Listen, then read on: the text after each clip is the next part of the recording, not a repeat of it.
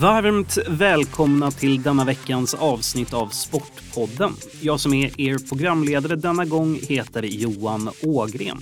Och jag ska idag ta tempen på en idrott som normalt sett trivs väldigt bra i omkring 25 grader och väta. Och samtalet det bjuder antagligen på både fjärilsim, guldfiskmärken och allt det som finns där mitt emellan. Det är simning som står på schemat och jag gästas av Henny Hammar Eriksson som under tre år varit verksamhetsledare för Ålands simförening. Välkommen till studion. Tack så mycket. Är det någon form av försäsong nu för simning? Ja, vi är ju på gång här nu med höstsäsongen och eh, tävlingssäsongen är igång. Och eh, de högsta tävlingsgrupperna så har varit iväg redan på ett par bortatävlingar. Men för jag tänker ju sporten är med i sommar-OS, men det känns som det är mest tävlingar under vinterhalvåret. Ja, kanske mest, men vi har nog en hel del bortatävlingar även på vårterminen. Ja. Men är det också under sommaren då?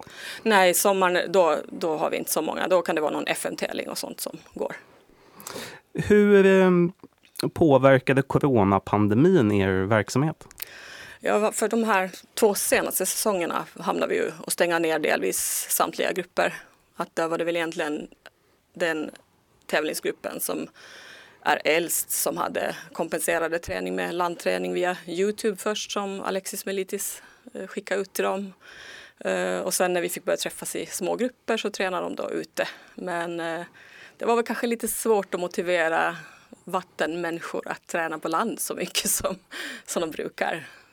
När du tränade ute trodde du menade att de var alltså ute i öppet hav? Nej, det var lite fel säsong. Annars skulle det funka jättebra. lite kallt där. Men eh, det måste ju varit eh, jättejobbigt för er, eh, hela den processen. Hur försökte ni hålla er flytande? Ja, det var ju rätt tungt och framförallt för tävlingsidrottarna som mycket brinner för att få åka iväg och så. Så vi försökte ju skapa Hemma har vi ju för sig alltid månadstävlingar så vi försökte skapa ett läger hemma som vi höll i Godby för tävlingssimmarna och försökte hålla motivationen uppe liksom med det. Och sen med landträning i mån av möjlighet. Och... Har ni en uttalad målsättning med föreningens verksamhet? Ja, vi har ju en målsättning att alla liksom ska få utvecklas efter egen förutsättning och personliga målsättningar. Uh, att vi arbetar med att alla ska trivas och känna vattenglädje egentligen. Och då allt från motionsidrott till tävlingssimmare. Men, och det gäller då från att man är? Ja, vi har ju verksamhet från babysim ända upp till masters. Så det är hela livet. Masters, vad, vad är det? Jag känner inte masters, till det. Masters, då är det de vuxna som har passerat bäst före datum tänkte jag säga, nej det ska jag. Men som fortfarande vill tävla och som vill träna lite seriösare. Då. Sen har vi också vuxenteknikgrupper för motionssimmare som vill förkovra sig. Men är det liksom pensionsålder på dem eller är det att Nej, de... det är ingen pensionsålder. Nu minns jag inte den exakta åldern när man faller för åldersstrecket, om det är vid 25 redan eller någonting där. Men det, det ska jag inte sätta huvudet i pant på. Hur skulle du säga att den åländska simningen mår i nuläget?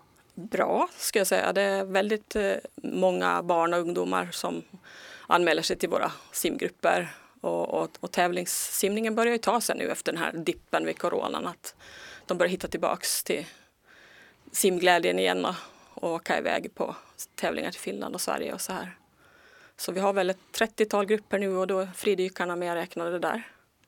Men 30 låter jättemycket. Det är jättemycket. Vi är en stor förening. Det, det är roligt. Och just att det är allt då. Babysim, simlekis, simskola, teknik, medleyskola.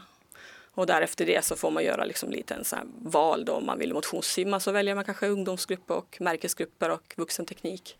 Vill du satsa mera på tävlingssimning så kan du välja utmanare, fortsättare, UMK eller mastersgrupper. Då. Men har ni tillräckligt med tränare för att ha liksom 30 grupper? Det är lite tajt, helst ska ingen bli sjuk. vi har jätte, jättefina ungdomar som ställer upp i många av de här grupperna för de yngre simmarna som själv är simmare eller som har varit simmare. Eh, men vi ska absolut behöva mera ledare och eh, det finns planer och tankar på att anställa en tränare framöver för att få det att, att, gå ihop. För egentligen skulle vi ha ett större behov av att kunna ha flera grupper. Det finns kölista. Men hur är det uppdelat då när det är 30 grupper för varje årskull eh, och att det liksom är både killar och tjejer som är olika grupper? Ja, vi har helt blandade grupper. Alla, alla grupper är killar och tjejer blandat och det går liksom mer då enligt nivå och kunskap och färdigheter om målsättning. Vem bedömer det? Det gör väl dels tränaren när säsongen börjar gå mot ett slut så att rekommenderar man att vilken grupp ska du söka nästa år. Men annars försöker vi via hemsidan liksom vara tydliga eh, med eh, ja, målsättning och eh, förkunskaper så att man vet vilken grupp man ska välja. När det då är både blandat killar och tjejer, hur, hur har ni resonerat där? Det finns väl egentligen ingen specifik resonemang. I simningen har det väl egentligen mer eller mindre så alltid sett ut så. Det är en väldigt bra upplägg att få killar och tjejer blandat och det blir en skön dynamik på något vis när det inte är uppdelat i kön utan det, det är fritidsintresse som är det gemensamma. Men jag tänker att man är på olika nivåer för att man inte har samma muskelmassa och etc. etc. Ja, det är ju ett spann alltid i grupperna. Det är, man, det är ju ett spann från de som verkligen satsar och kanske tränar, om vi ser på de som har kommit längst och satsar hårdast så kanske vissa tränar åtta gånger i veckan och någon som ju tränar i samma grupp kanske tränar fyra gånger i veckan. Så det är ett spann. Hur eh, försöker ni locka till er eh, unga förmågor till sporten? Ja, dels är det ju förstås bredden i att vi har grupper från, ända från bebis och uppåt. Så att man ska, vi, vår förhoppning är att man ska börja som bebis och sen ska man simma på. Och, eh, och sen när man kommer upp där någonstans runt ja, kanske 12-13 års ålder kan man ju välja liksom motionsspår eller tävlingsidrottarna. Och just att vi har det här knattesimmet här på Åland som är en väldigt trevligt evenemang för de här yngre simmarna. Om man vill prova på lite tävlingssammanhang i större sammanhang men på hemmaplan där det är lite tryggt. Så för de här ja, 9 till 13-åringarna så har vi det och sen för de här äldre simmarna så åker vi iväg då just på tävlingar till Finland, Sverige och också våra egna månadstävlingar här hemma. Så man kan lite prova på att tävla mot sig själv så att säga. Du nämnde ju att eh, de som väljer att satsa mer tränar åtta gånger i veckan ungefär. Men, men finns det en ålder då när simmarna generellt väljer att satsa mer hos er?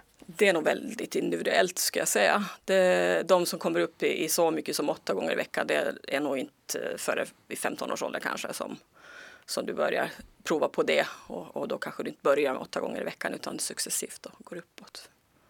Men enligt eh, verksamhetsplanen tror jag att det stod att det var 13 som ni hade som mål. Ja, vi har fort, fortsätta gruppen som är gruppen då före UMK som är den högsta gruppen vi har. Så där 12-13-åringar ungefär. Så du kan börja där göra en satsning men, men det liksom, finns ju möjlighet att sen välja ungdomsgrupp fortfarande om du känner att nej, men, tävling var ingenting för mig.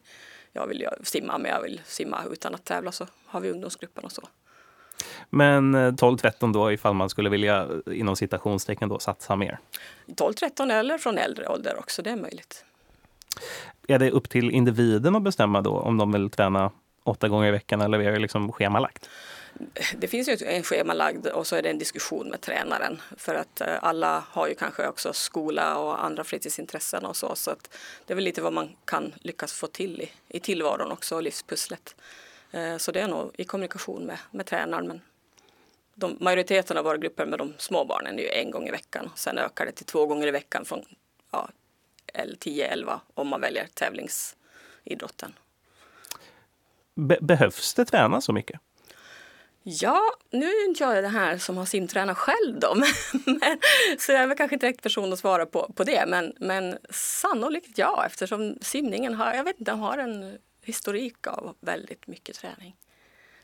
Nej, men för jag tänker ju som du säger att uh, simning och gymnastik är väl de idrotter som uh, i media, om vi uttrycker det så, uh, har tydliga unga utövare. De har också väldigt mycket träning. Och då så är jag lite eh, nyfiken på hur man har resonerat när det kommer till att låta unga personer träna väldigt, väldigt mycket. För åtta gånger i veckan är ju mycket. Det är jättemycket och det är nog få av våra simmare som tränar där. Att då är det nästan att du kanske har valt specialidrott via eh, att du går i skolan och går i Lusse och väljer specialidrott också för att få, få ihop det helt enkelt. Det är nog få som tränar så många pass i veckan.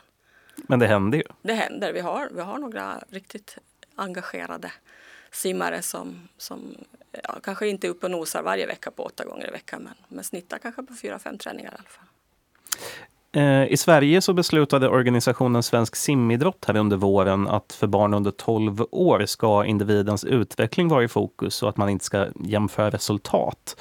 Mm. Resultatlistor de ska presenteras i alfabetisk ordning och inte efter vem som var då snabbast mm. eller långsammast.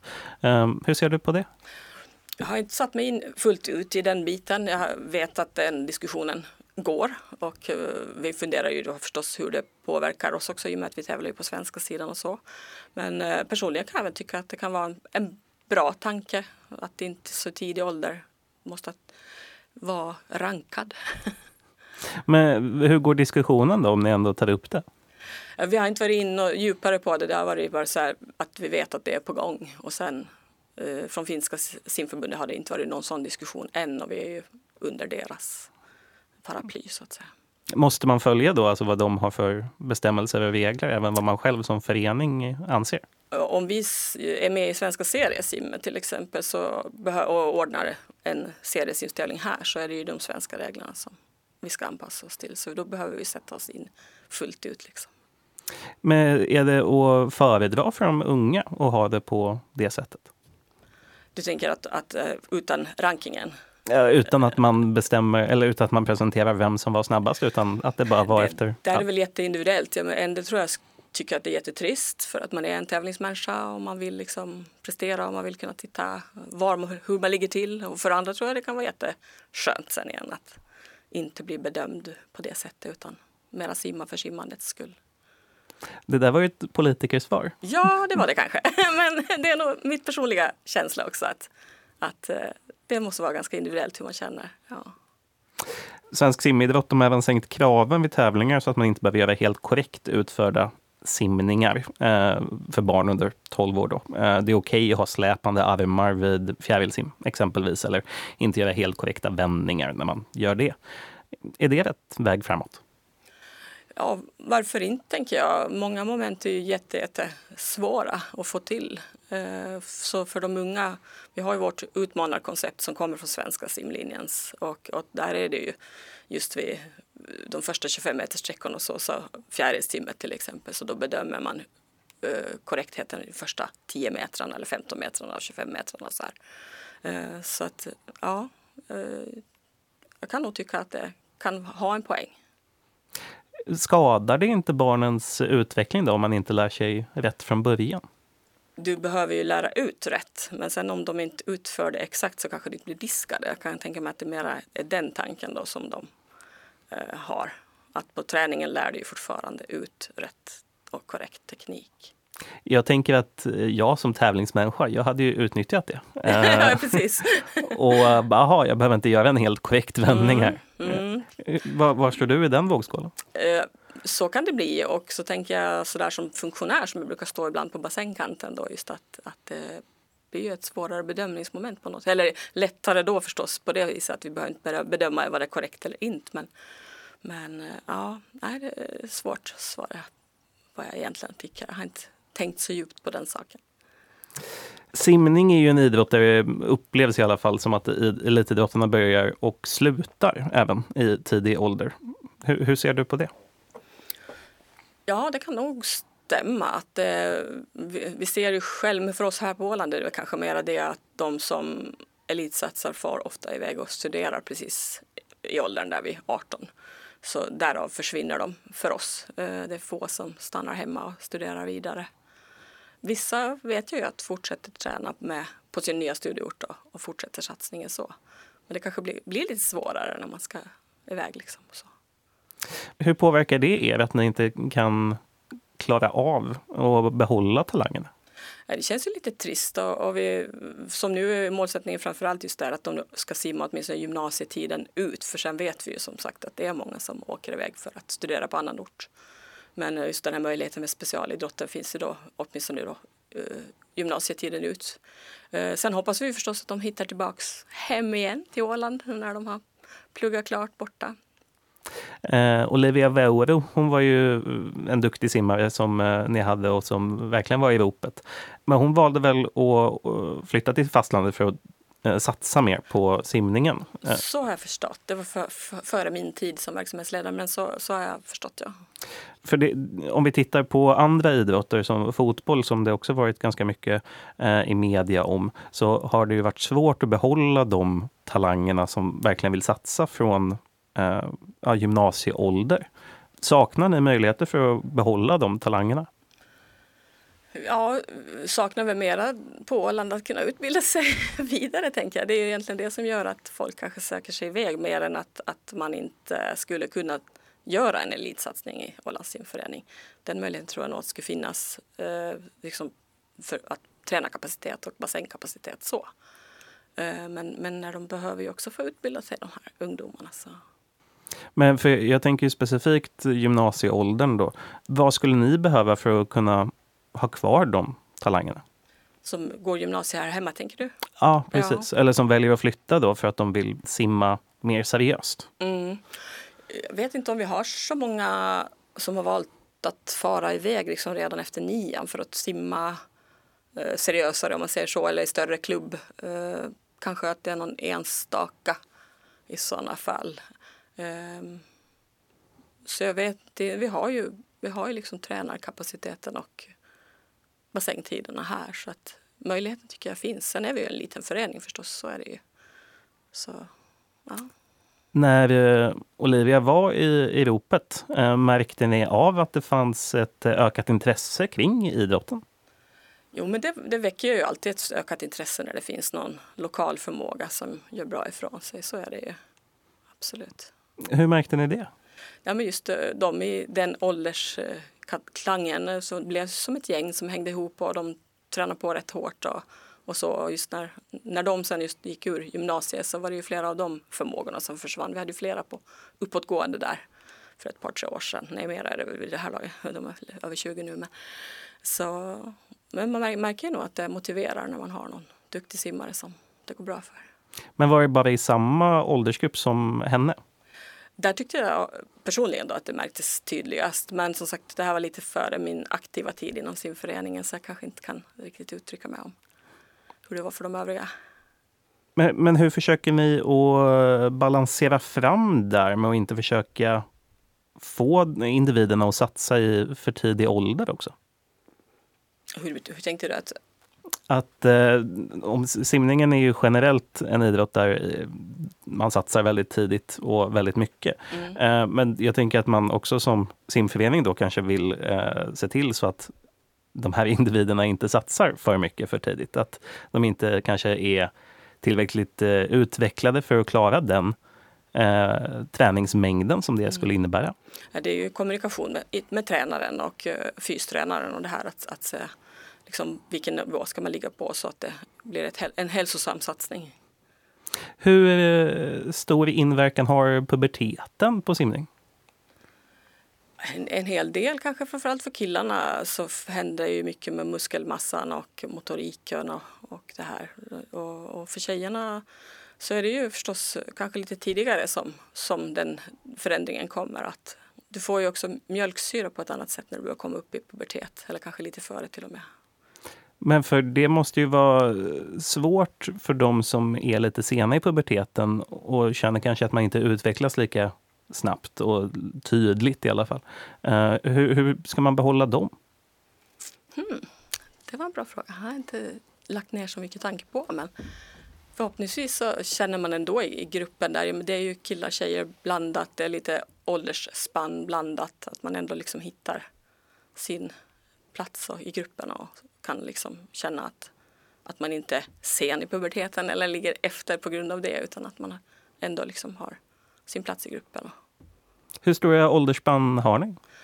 Jag skulle säga i UMK, då, äldsta gruppen, så ligger väl från 14 till 18 nu. Eh, och gruppen under fortsättarna så är väl från 12 upp mot 15. Och UMK är? Uh, ut, uh, ungdomsmästerskapsnivån, så de äldsta tävlingssimmarna. Varför tror du att simning har en relativt tidig pensionsålder? Ja. För det måste ju ändå vara någonting som ni snackar om Alltså i idrotten? Eh, kanske sinsemellan tränarna. Det är ingenting som har nått upp direkt så här till mig på verksamhetsledarnivå, den diskussionen så. Vad det kan tänkas bero på att det ska vara yngre ålder. För jag tycker jag annars vattenträning känns ju någonstans som en ganska snäll sport för kroppen och att man skulle hålla liksom ihop. Men ja, livet kommer väl emot och träningsmängden kan ju kanske påverka där. I alla fall min upplevelse är ju att de flesta lägger av med simning som satsar på det kring 25 kanske. Och det är ju mm. rätt tidigt. Det, det är ungt, ja. Det är det. Delar du den bilden? Jag kan inte säga att jag är tillräckligt insatt liksom för att egentligen ha en åsikt i det. Eh, så jag, jag passar på den frågan. Bestämmer eh, utövarna eh, själva hur de ska få träna? Utövarna för en diskussion med, med tränaren. Eh, det finns ju fasta träningstider och fasta träningsdagar så att säga. Men att alla då inte kommer på varenda träning så försöker man ju bygga upp en struktur att vilka dagar är det som så att, så passar den simmaren så att tränaren har en förberedelse på vilka kommer att komma så att man vet lite hur man ska lägga upp passet och så. Får individen själv bestämma vilket simsätt som den vill kanske satsa på? Om de vill bli bäst i världen på ryggsim och inte lägga tid på fjärilsim? Då? Alltså, när du kommer upp i, i, har en spets så satsar du kanske mera tid på din spets men alla simmar nog alla simsätt eh, under träningspassen men sen kanske du ägnar dig mer åt din spets. Ja, men varför ska den lägga tid och energi på andra former av idrotten som den inte är intresserad av? Ja, men där är väl liksom lite bredden i, i träningen också. Man kanske inte bara kan nöta frisimsträckor eller bröstsimsträckor utan du behöver liksom ha hela rangen och de här yngre simmarna vill vi ju att simmar alla, att man inte spetsar sig för tidigt. Men jag tänker väl att det går att jämföra med friidrott på något sätt. Att eh, jag som vill bli duktig på längdhopp vill inte lära mig att hoppa högt. Mm. Ja, kanske till en viss del att man kan jämföra så. Men jag tänker i simningen behöver det liksom ändå. Uh, jag tycker man behöver träna lite alla, alla, alla sorters simsätt. Och, förlåt, varför behövde man det? Nej, jag tänker just för, det, för att få den här liksom variationen och uh, att hålla ihop i, i långa loppet. Liksom. Och det kan komma stafetter där du sätts in på en medley-stafett eller någonting och du kanske inte alltid får simma din spets utan behöver kunna komma in på en annan sträcka. Hur många simhallar har ni? Vi simmar Mariebad och Ålands idrottscenter. Eh, räcker det? Eh, det är väl så att i Mariebad skulle vi egentligen kanske vilja ha lite mera tider än vad vi kan få. Vi kan inte breda ut oss hur mycket som helst eftersom det finns andra föreningar och allmänhet eh, som också vill rymmas med där. Eh, sen finns det ju mera tider i Ålands idrottscenter men i och med att vi är en Mariehamnsförening så har vi subventionerade eh, priser i Mariebad och inte på Ålands idrottscenter så det är ganska stor prisskillnad att träna på Ålands idrottscenter eller Mariebad. Men två simhallar räcker nog för oss, det gör det. Men eh, finns det möjligheter att få fler tider då, i Mariebad? Det börjar väl vara ganska nära smärtgränsen. Sen finns det ju sådana senare tider, alltså senare på kvällen eller just eh, lördagen och så, eh, som kanske inte är de attraktivaste tiderna. Där skulle vi säkert kunna bredda oss ytterligare. Men, men på de här tiderna, vardagar mellan sex och åtta, de är ganska knökfulla.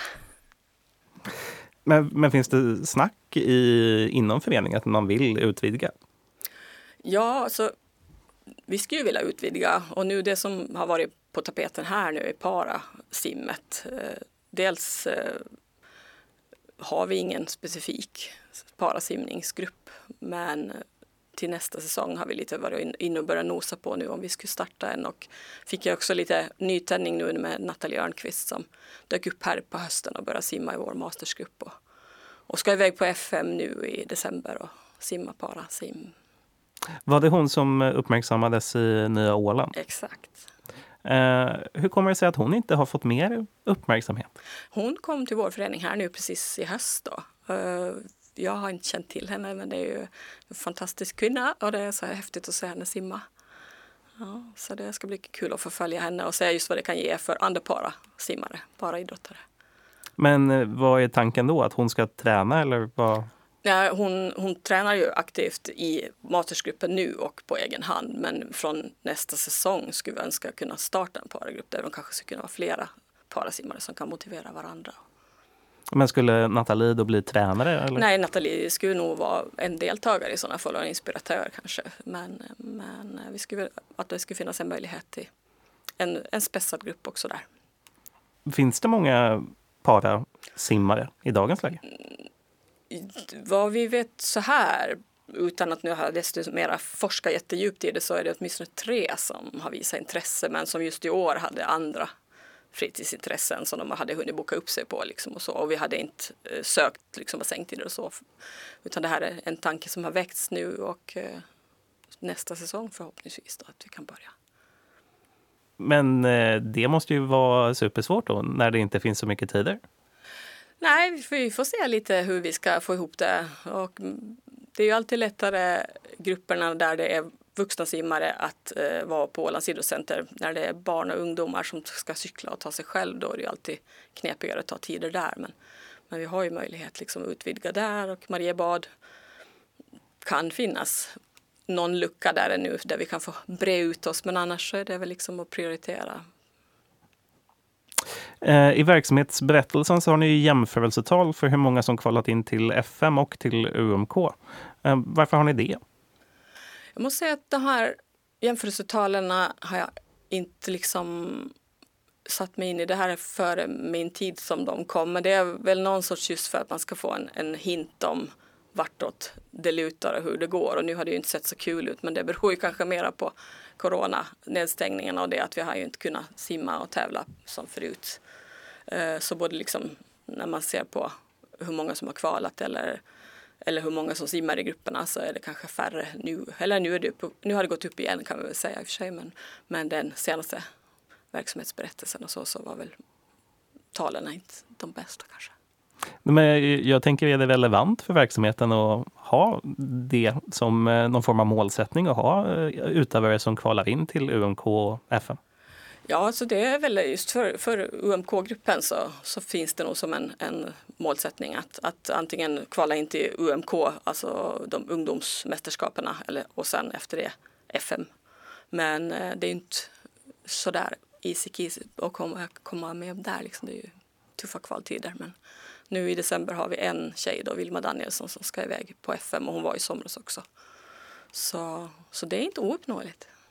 Men vad tjänar ni på som förening att ha utövare som når de höjderna? Det är lite så att media till exempel visar intresse först när det börjar komma upp till någon nivå som är lite högre än våra månadstävlingar och så. Så att eh, det ger ju en större synlighet utåt generellt. Och sen för de yngre simmarna så tror jag att det kan vara lite så här att, att man tänker jaha, men kan man inom simning också liksom komma upp och att man kanske inte tänker, man tänker mer simningen som en motionsform bara. Och inte som att det är en idrott också som du faktiskt kan komma hur högt som helst. Att man sporras av ja, det. Ja. Eh, Öspelen väntar ju till eh, sommaren nu. Hur ser uttagningarna ut? Uttagningen ser ut som så att de som är 17 år och äldre så har vi då en önskan om en viss träningsfrekvens och att man gör individuella framsteg i sina spetssträckor Uh, och då, det är en, en träningsnärvaro på 75 procent som, som krävs för att kvala. Men sen om du är då yngre uh, så är det de här fina poängen, att du ska upp i 500 fina poäng för att kunna kvala in. Då. Och vad är fina poäng? Ja, nu ska jag läsa till från min lapp. uh, det är ett sätt att jämföra resultaten från olika grenar som baserar sig på nuvarande världsrekord. Så det är liksom, när man simmar så får man poängsättningar på något vis, en liten tabell.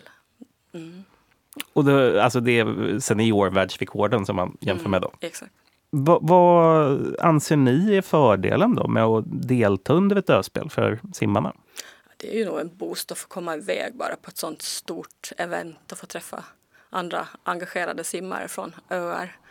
Och nu här, det här öspelet som är på, väg, på kommande Guernsey så planen att vi ska göra ett träningsläger på Jersey där Alexi Militis är hemma från veckan innan Guernsey. Och eventuellt tillsammans med Gotland. Då, att få, så att just det här att väcka samarbeten också mellan öarna. Hur många vill ni skicka? Vi har väl ansökt, eller sagt till Öspelsgruppen att cirka åtta och vi har väl just nu nio simmare som har visat intresse och ligger i då. Och så får vi se här mot slutet av året hur många som vi skickar. Det måste ju vara jättejobbigt för er att behöva peta en. Ja, och jag vet inte om vi måste peta en. Det är ju det att, att stafettlagen är fyra och fyra så att det är väl mer det att det är någon då som kanske inte får simma en stafett i sådana fall. Men eh, finns det några kriterier från ert håll? Eh, för att jag tänker ni har ju jämförelsetal i verksamhetsberättelsen. Eh, har ni några kriterier på att ni vill ha x antal simmare som når en final exempelvis? Nej, vi har inte uttalat några sådana kriterier utan för att komma med så är det nog den här träningsnärvaron och eh, att eh, komma, eh, göra bra resultat på sin spetssträcka. Har du någon simmare som man tycker man ska ha ögonen lite extra på då, under det här spelen? Ja, Vilma Danielsson ska jag ju säga då. Hon är nog den av våra medlemmar just nu som verkligen satsar på simningen. Berätta mer. Hon är en duktig frisimmare och bröstsimmare. Också duktig på fjäril. Så hon är ganska mångsidig. Eh, och går specialidrotten då via eh, Ålandsidrott på Lusse. Vad eh, hoppas du att simmarna ska ta med sig då från Öspelen, förutom medaljer? ja, precis. Nej, men verkligen njuta av upplevelsen och sen förstås att vi ska kunna ordnar spelarna här hemma då om något år. Att de, sen när de är så stora så kan de vara med och hjälpa till. Där. Det sa alltså Henny Hammar Eriksson som är verksamhetsledare för Ålands simförening. Jag som har intervjuat heter Johan Ågren.